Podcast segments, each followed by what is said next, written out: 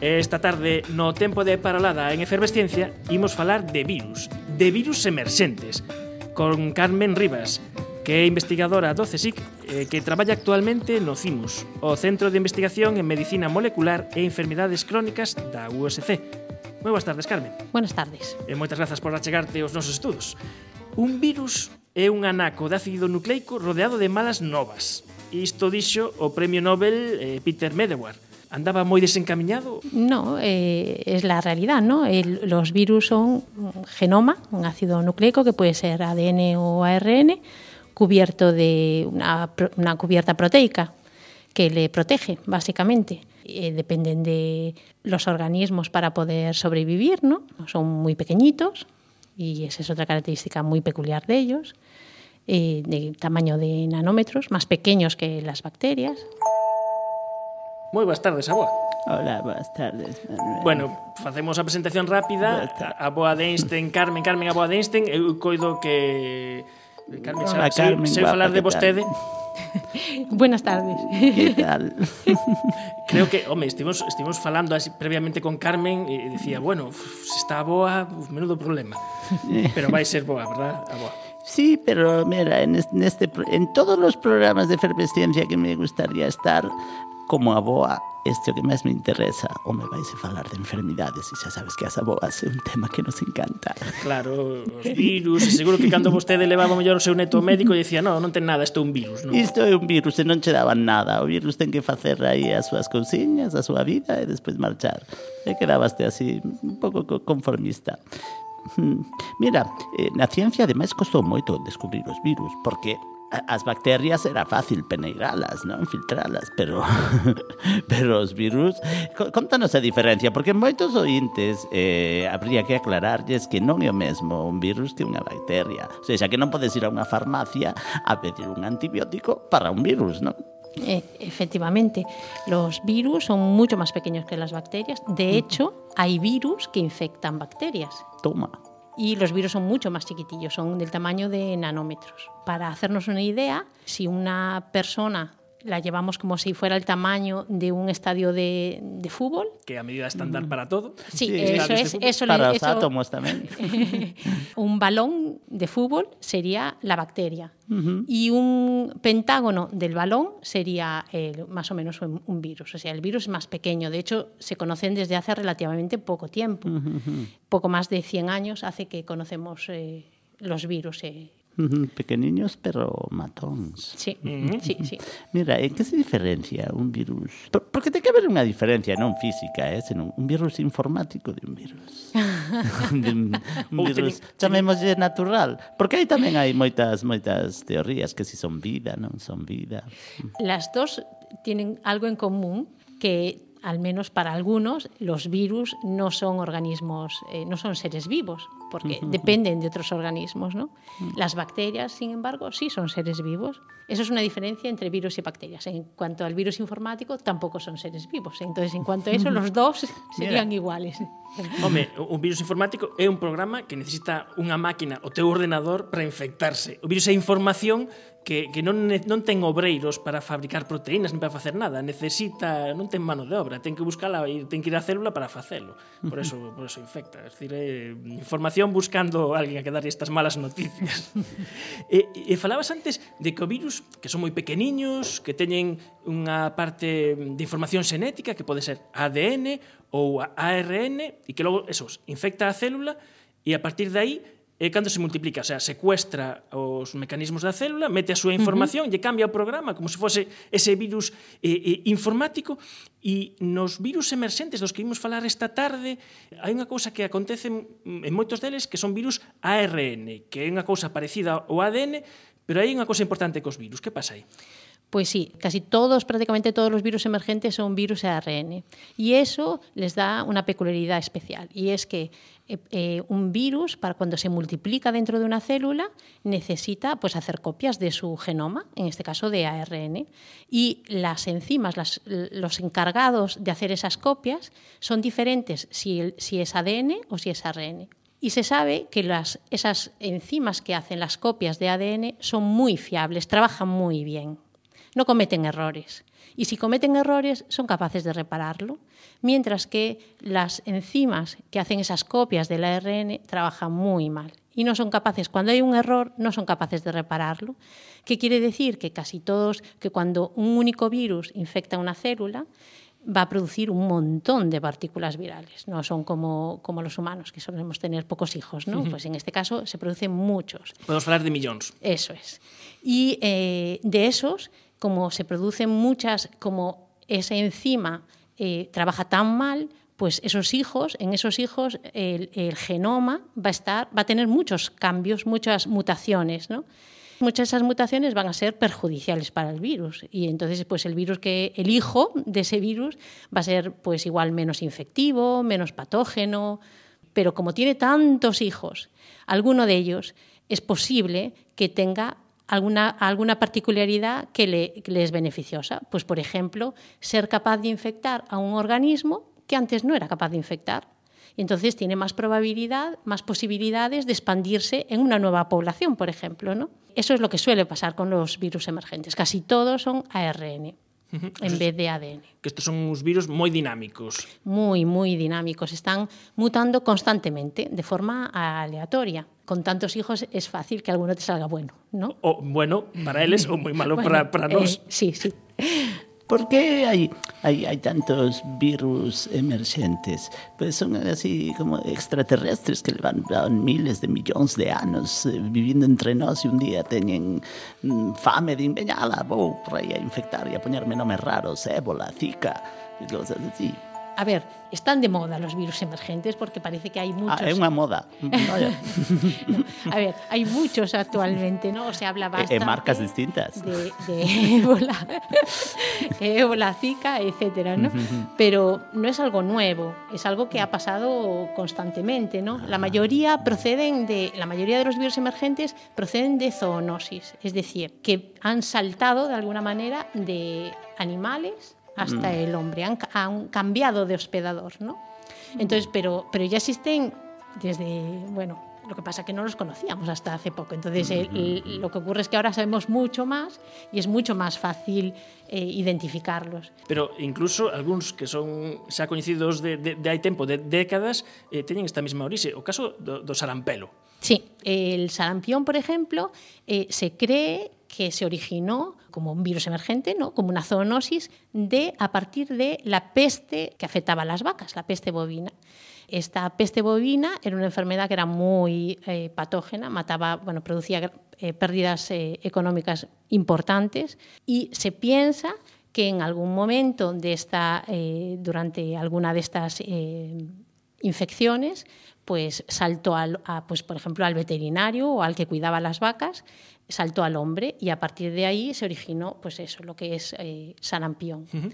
Curioso de este proceso es que en cómo las pérdidas económicas en las vacas eran tan grandes, pues hubo un acuerdo mundial, se hizo un esfuerzo enorme y se vacunaron frente a esta enfermedad, de manera que en el 2010 se dio por... Eh, eh, erradicada. erradicada esta enfermedad. Ya no existe, ¿no? Ya o sea, no que acabamos con ela nas vacas, pero non en humanos. Efectivamente. Sin embargo, el sarampión pues, sigue matando a más de 100.000 personas al, al año en el mundo, ¿no? a verdade é que sí queda de reflexionar eh, este feito de que fosemos quen de rematar co sarampelo nas vacas eh, non en humanos cos estragos que aínda sigue, sigue a causar. Hola, soy César Muñoz Fontela y quiero mandar un saludo para Carmen Rivas. Bueno, yo desde hace muchos años trabajo con, con, Carmen y han sido muchos virus y al principio empezamos trabajando juntos. Bueno, yo hice mi, mi, tesis doctoral con ella y trabajábamos en el virus KSHV, que es un virus que produce sarcoma de Kaposi, que sobre todo es importante en enfermos de, de SIDA. Y empezamos a trabajar en en cómo esos virus están relacionados con el desarrollo del cáncer. Y en los últimos años hemos trabajado juntos también en otro tipo de virus, como el ébola, por ejemplo, o el virus de la, de la, gripe, pero también un poco enfocado en cómo el virus interacciona con las células durante la infección. Imos de escoitar a César Muñoz Fontenla, El responsable do laboratorio de virus emerxentes do Instituto Henry Pete de Hamburgo na Alemanha. E cando empezou a falar neste corte de voz, Carmen pegou un chimpo para arriba eh, e unha cara de sorpresa eh, e supoño que tamén de alegría porque, bueno, se cae o teu primeiro discípulo. Sí, me ha hecho muchísima ilusión. Ha sido una sorpresa maravillosa porque, bueno, yo a César lo quiero mucho, es mi primer hijo, siempre digo, es los éxitos de, de, las personas que han hecho la tesis conmigo para mí son mis éxitos, son pues eso, como, pues como un hijo y le quiero muchísimo, así que me has hecho, bueno, me ha hecho moi feliz. E, e aí eh, tedes seguides traballando en conxunto, de feito o, o vosso laboratorio está especializado en cancro e virus, eh, pero tamén eh, andades a estudiar, eh, por exemplo, no caso do ébola, certas eh, proteínas que, que Queredes ver se están implicadas sobre canto é de patóxeno este virus? Sí, sí, estamos actualmente colaborando, llevamos siempre hemos estado colaborando César y yo desde incluso antes de que fuera jefe de grupo él en Alemania. Hemos colaborado todo el tiempo y ahora continuamos porque él eh, se ha centrado más en el virus ébola y estamos trabajando sí en colaboración, intentando ver cuáles eh, los mecanismos, identificar los mecanismos que utiliza el virus para ser tan patógeno y ver si podemos hacer algo para evitarlo. Ah, pero, pero en Santiago no tenéis ébola, ¿no? No, no. En Santiago no tenemos ébola porque para trabajar con ébola se necesita un, un laboratorio de bioseguridad de nivel P4 que no, uh -huh. no lo hay en España. Lo hay aquí, lo, donde trabaja este César, eh, tienen un P4. Lo que nosotros hacemos aquí es trabajar con proteínas del virus. O sea, lo hacemos, luego lo que hacemos nosotros es, nosotros hacemos la parte bioquímica y cuando hemos identificado el mecanismo, lo que hacemos es, se lo, le pasamos la información a César y ellos lo hacen con, con el virus. César Muñoz eh, Fontenla eh, pasou tamén polos micros de efervescencia hai ano e medio, agora non podía estar nesta entrevista porque andaba eh, de viaxe, eh, cando eh, estivo falando connosco, pois contounos que ia partir inmediatamente para África co, co brote do ébola nunha misión da, da Unión Europea precisamente para estudar in situ pois as características do, do virus e a súa evolución. E quedamos con cañas de saber o que pasou neste ano e medio en primeira persoa. E isto foi o que nos contou César Muñoz Fontel.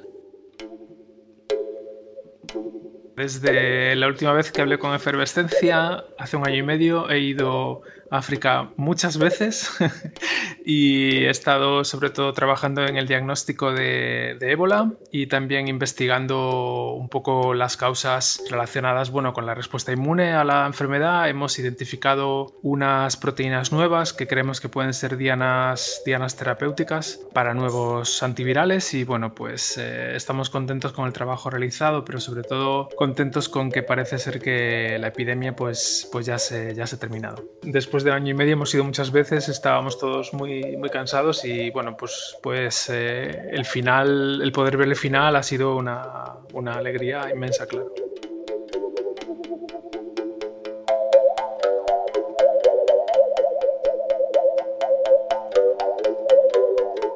se acabó la, la, la, transmisión descontrolada, digamos, del, del, virus, pero ha habido como brotes pequeños relacionados con transmisión sexual eh, a través de los supervivientes que parece ser, bueno, pues una sorpresa para todos ha sido ver que parece que el virus puede estar persistente pues en el, en el semen, por ejemplo, y eso ha dado lugar a casos aislados de, transmisión eh, sexual. Y bueno, parece ser que ahora mismo está controlado y desde hace tres semanas o así no hay, no hay casos nuevos.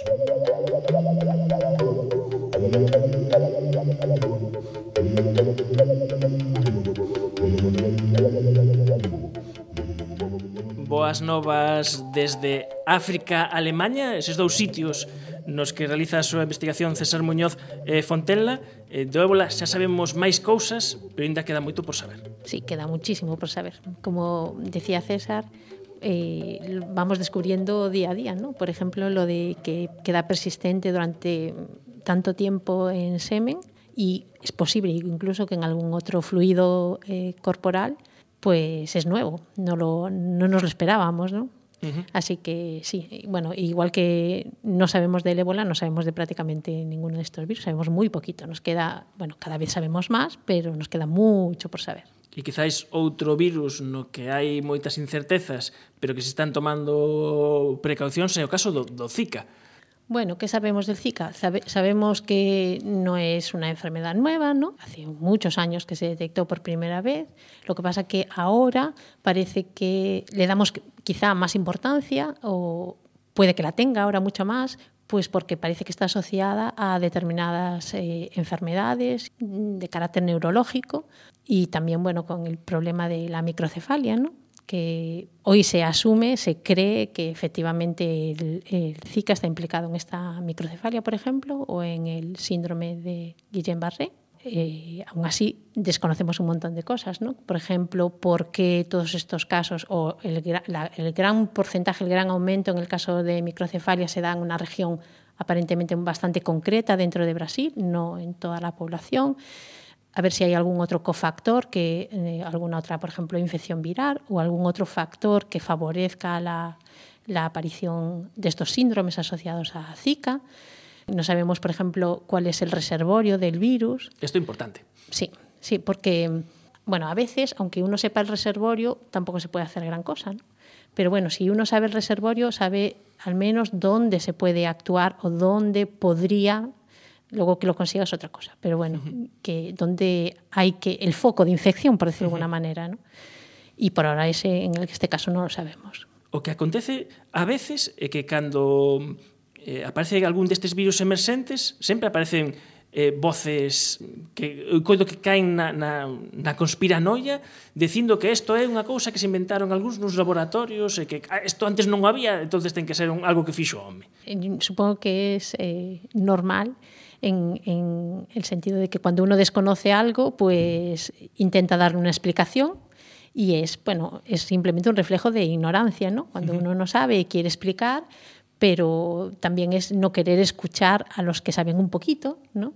Y sabemos cómo, pues, eh, que, cómo se originan, aunque no sepamos en detalle cómo se ha originado un determinado agente un nuevo o virus emergente, y que hay muchos factores que están favoreciendo este, la aparición de estos virus emergentes. ¿no? Por ejemplo, el contacto estrecho entre los eh, humanos y los animales, sobre todo en ciertas zonas del planeta, es un factor determinante. Luego también el que las comunicaciones eh, se hayan mejorado tanto, ¿no? Uh -huh. la, es más fácil dispersar las eh, infecciones es otro de los factores también. Luego la propia naturaleza del virus, obviamente, y luego, pues en el caso de aquellas enfermedades, aquellos virus que son transmitidos pues, por, vectores como mosquitos, pues los cambios climáticos que favorezcan la, la propagación de estos vectores, pues obviamente también favorecen, claro. Falando de vectores eh, antes estivo moi ben traído da moda porque estivo de moda e sigue estando isto de criar porcos vietnamitas no? incluso eh, hai xente que amamanta porcos vietnamitas isto con todo o que estás dicindo non pode ser bo Sí, efectivamente, lo que decimos, ¿no? La, el contacto entre humanos y animales es muy estrecho, más de lo que en Europa, por ejemplo, pues eh, la gente se piensa, ¿no? Y entonces, en ciertas tribus, eh, Papua Nueva Guinea, donde allí el cerdo vietnamita, pues es un, bien bastante considerado, pues eh, lo que hacen para, para cuidarlo, para asegurarse que va a estar bien tratado, pues las mujeres los amamantan a los, a los cerdos. Obviamente allí el contacto eh, animal-persona es muy, muy estrecho. Pero bueno, hay ese contacto entre animales y personas es muy estrecho, por ejemplo, en Asia, en los, los mercados la, con las aves o la comercialización, bueno, eh, la caza de monos de murciélagos, que sabemos que son reservorios de muchos de estos virus. De ébola, por ejemplo, ¿no? De ébola, por ejemplo, sí. Se supone que el, eh, el ébola eh, ha saltado, entre comillas, al, al, hombre a partir bien de, de, monos o bien a partir de, de murciélagos, ¿no? El, eh, los cazadores, el contacto con fluidos, sangre, saliva, etcétera, heces de estos animales, supuestamente es el método de inicial de contagio eh, para as persoas. E eh, o que pode pasar, eh, e de feito eh, ten pasado, que algúns animais eh, son de intermediarios de, de virus que veñen de diferentes fontes e se misturan eh, senomas de virus, partes de virus, e aí pode aparecer o que é a tormenta perfecta, non? Que se misture un virus que, eh, eh, que se xa grave, que cause eh, moitas mortes, cun que se transmita moito. Ese, ese sería o peor escenario, ¿no? Sí, bueno, eso es lo que pasa constantemente, continuamente, en el caso de la gripe, por ejemplo, ¿no? Estos son virus que son ARN, como decíamos antes, pero que además ese genoma del ARN lo tienen en trocitos. Entonces, tienen, estos virus tienen la capacidad de que cuando si una misma célula es infectada por dos virus diferentes, dos tipos diferentes de, del virus de la gripe, por ejemplo, pues lo que intercambian trocitos de ese genoma ahí eh, y sale al final pues un, un, mosaico, un mosaico de virus con un trocito de un genoma mm, que procede de uno de los virus y otro trocito del otro, etcétera. Como decimos, eso unido con las mutaciones, pues lo que ocurre es que los hijos mm, que salgan de ahí, los mm. virus que salgan de esa célula, pues puede que salgan unos virus que se infecten muy fácilmente, pues eh, se propaguen muy fácilmente entre los humanos eh, o pueden ser que sean muy, muy patógenos, mucho más que, el virus de los, que los virus de los que proceden, o, o las dos cosas. Sobre os virus, eh, coido que haberá que seguir falando moito, eh, moitas cousas, de cousas que se van coñecendo, que se van aprendendo sobre eh, Zika, que damos tamén con ganas de que César Muñoz Fontela nos conte máis cousas de todo isto que está a acontecer co ébola. Mesmamente esta semana soubemos este caso de enterovirus en nenos pequenos con afeccións neurolóxicas en Cataluña e agora podemos entender un pouquiño por que pasa todo isto, porque eh, mutan tanto, porque cambian tanto, e eh, porque eh, hai que coñecelos ben para poder eh, crear vacinas e poder loitar contra estes virus. E quen quede con ganas de coñecer máis cousas sobre virus emerxentes, o que pode facer é achegarse eh, esta semana a Pint of Science, unha iniciativa de ciencia nos bares que chega a súa segunda edición en Galicia e haberá sesións tanto en Santiago de Compostela de luns a mércores na nave de Vidán como na Cervezoteca eh, Malte eh, da Coruña. En unha destas sesións, a do martes, eh? Sí. A do martes que ven, pois terá tamén unha charla sobre isto mesmo, virus emerxentes, Carmen Rivas, xa tes a charla a punto, non? Sí, ya casi casi, deseando ya soltarla.